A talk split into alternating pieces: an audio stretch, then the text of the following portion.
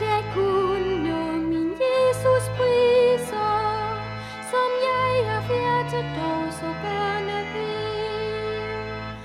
det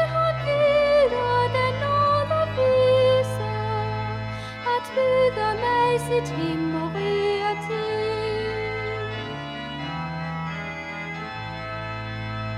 Jeg gik i blinde, jeg lå i døden, mørkets fyrste holdt mig ganske fast. Der råbte jeg til min Gud i nøden, han frelste mig, og um mørke tænker brast.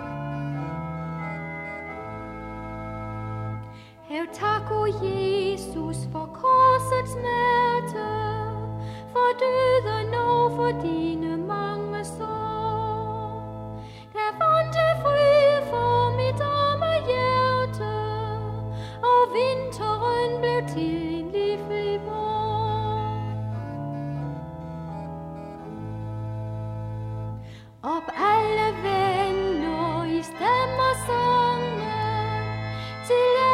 Ære pris for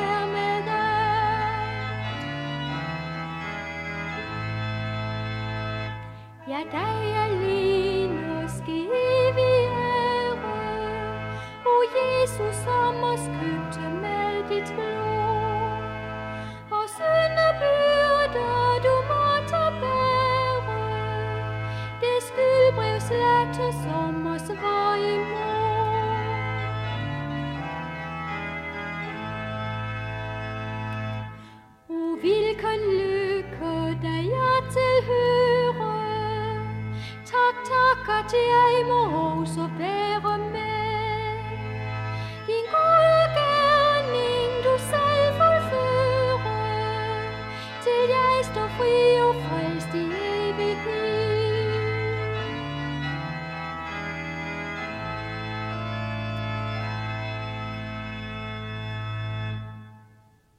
Vi hørte sangen O, at jeg kunne min Jesus prise, sunget af Lene Kofod Nielsen.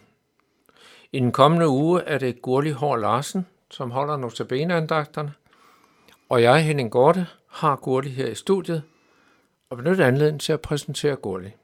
Velkommen, Gurli. Tak. Og tak, fordi du har påtaget dig at holde disse andagter. Du har været her før og blev præsenteret, men jeg vil bare lige, lige rise lidt op. Du er uddannet lærer og er efteruddannet, efteruddannet dig inden for socialpædagogik. Du har virket som lærer på skoler med kristen værdigrundlag, både på en almindelig friskole og efterskole for elever med særlige behov. Det har nok bragt dig i kontakt med mennesker i forskellige situationer. Men du har også fortalt, at nogle af de relationer til mennesker, som har betydet meget for dig, er din opvækst i Ølgård. Og mange missionærer kommer igennem tiderne for den egen. Hvad er det, der har præget dig i den forbindelse? Jo, men når jeg tænker tilbage på min opvækst, øh, og her med fokus på de mennesker, jeg mødte i den kristne forsamling LM, så er det med stor taknemmelighed, jeg tænker tilbage og også er klar over, at, at de mennesker, jeg mødte der, de har været med til at forme og styrke min tro på Jesus. Jeg ser mange ansigter for mig, mennesker, som har været fantastiske trosvidner for mig med deres liv og tjeneste og tro. Og når jeg ser deres ansigter, så husker jeg også manges mildhed og varme og smil, og det, at man blev set. Og det, som kendetegnede mange af de her trofaste mennesker i menigheden, det var det var netop stor trofasthed i tjenester i overvis, i lejearbejde, i søndagsskole, og i det hele taget generelt deltagelse og opgaver i menigheden. Og så var der også nogen, der på en særlig måde brændte for ydermission, som vi i dag kalder international mission. Og der ser jeg igen også nogle ansigter for mig. Mennesker, der benyttede enhver lejlighed til at fortælle fra missionærernes liv og fra de områder, hvor LM havde sendt missionærer til. Mennesker, der brændte for, at evangeliet skulle nå ud. Og derfor lå dem meget på sinde at informere og fortælle om ydermission, og også lægge det ind som et kald over menigheden. Og der blev bedt meget, og jeg er ikke i tvivl om, at, at det at, at formidle kaldet til at være høstarbejder i Guds rige sammen med bøn, det har fostret mange missionærer og mange bedende mennesker. Ja, tak for det. Jeg ved, du har et hjerte for mennesker, der er udsatte på den ene eller den anden måde. Jeg har hørt, at du gerne hjælper andre, for eksempel med at købe ind og køre til læge eller andre ting, som medmennesker har behov for. Hvorfor har du det sådan?